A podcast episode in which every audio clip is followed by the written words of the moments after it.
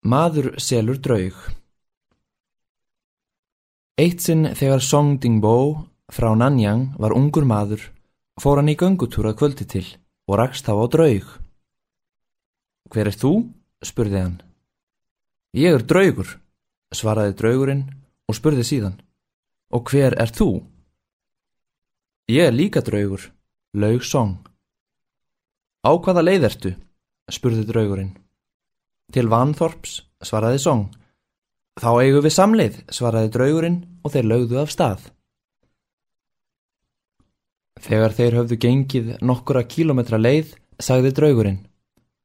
Óskup er þetta líjandi. Hvernig líst þér á að við skiptumst á um að bera hvorannan? Vel, svaraði Song. Þegar draugurinn hafði borið Song drjúan spöl, sagði hann. Skelvingarstu þungur? Ætlið þú sért nokkuð draugur? Song svaraði.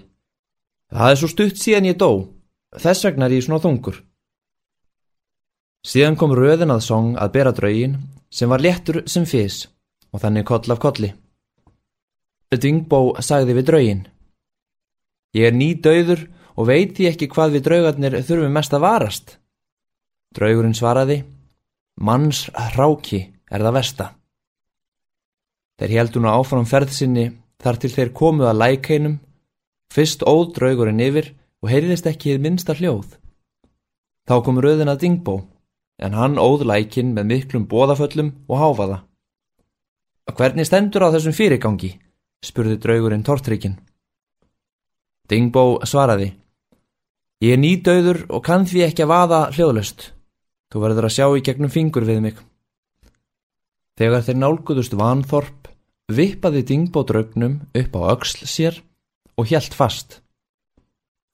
Draugurinn æfti og hljóðaði og baði Dingbó að sleppa sér, en hann ansaði því engu og hjælt ragleiðis inn í þorpið. Þegar hann lagði draugin loks frá sér, hafði hann breyst í geit.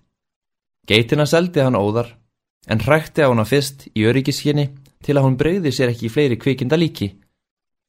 1500 krónum ríkari hjælt hann leiðar sinnar. Samtíðarmanni hans, Shi Chong, var þessi atbörður að yrkisefni. Dingbó selur draugageit með drjúum gróða. Fráleitt ætíð ítla séður, afturgengin búfjinaður.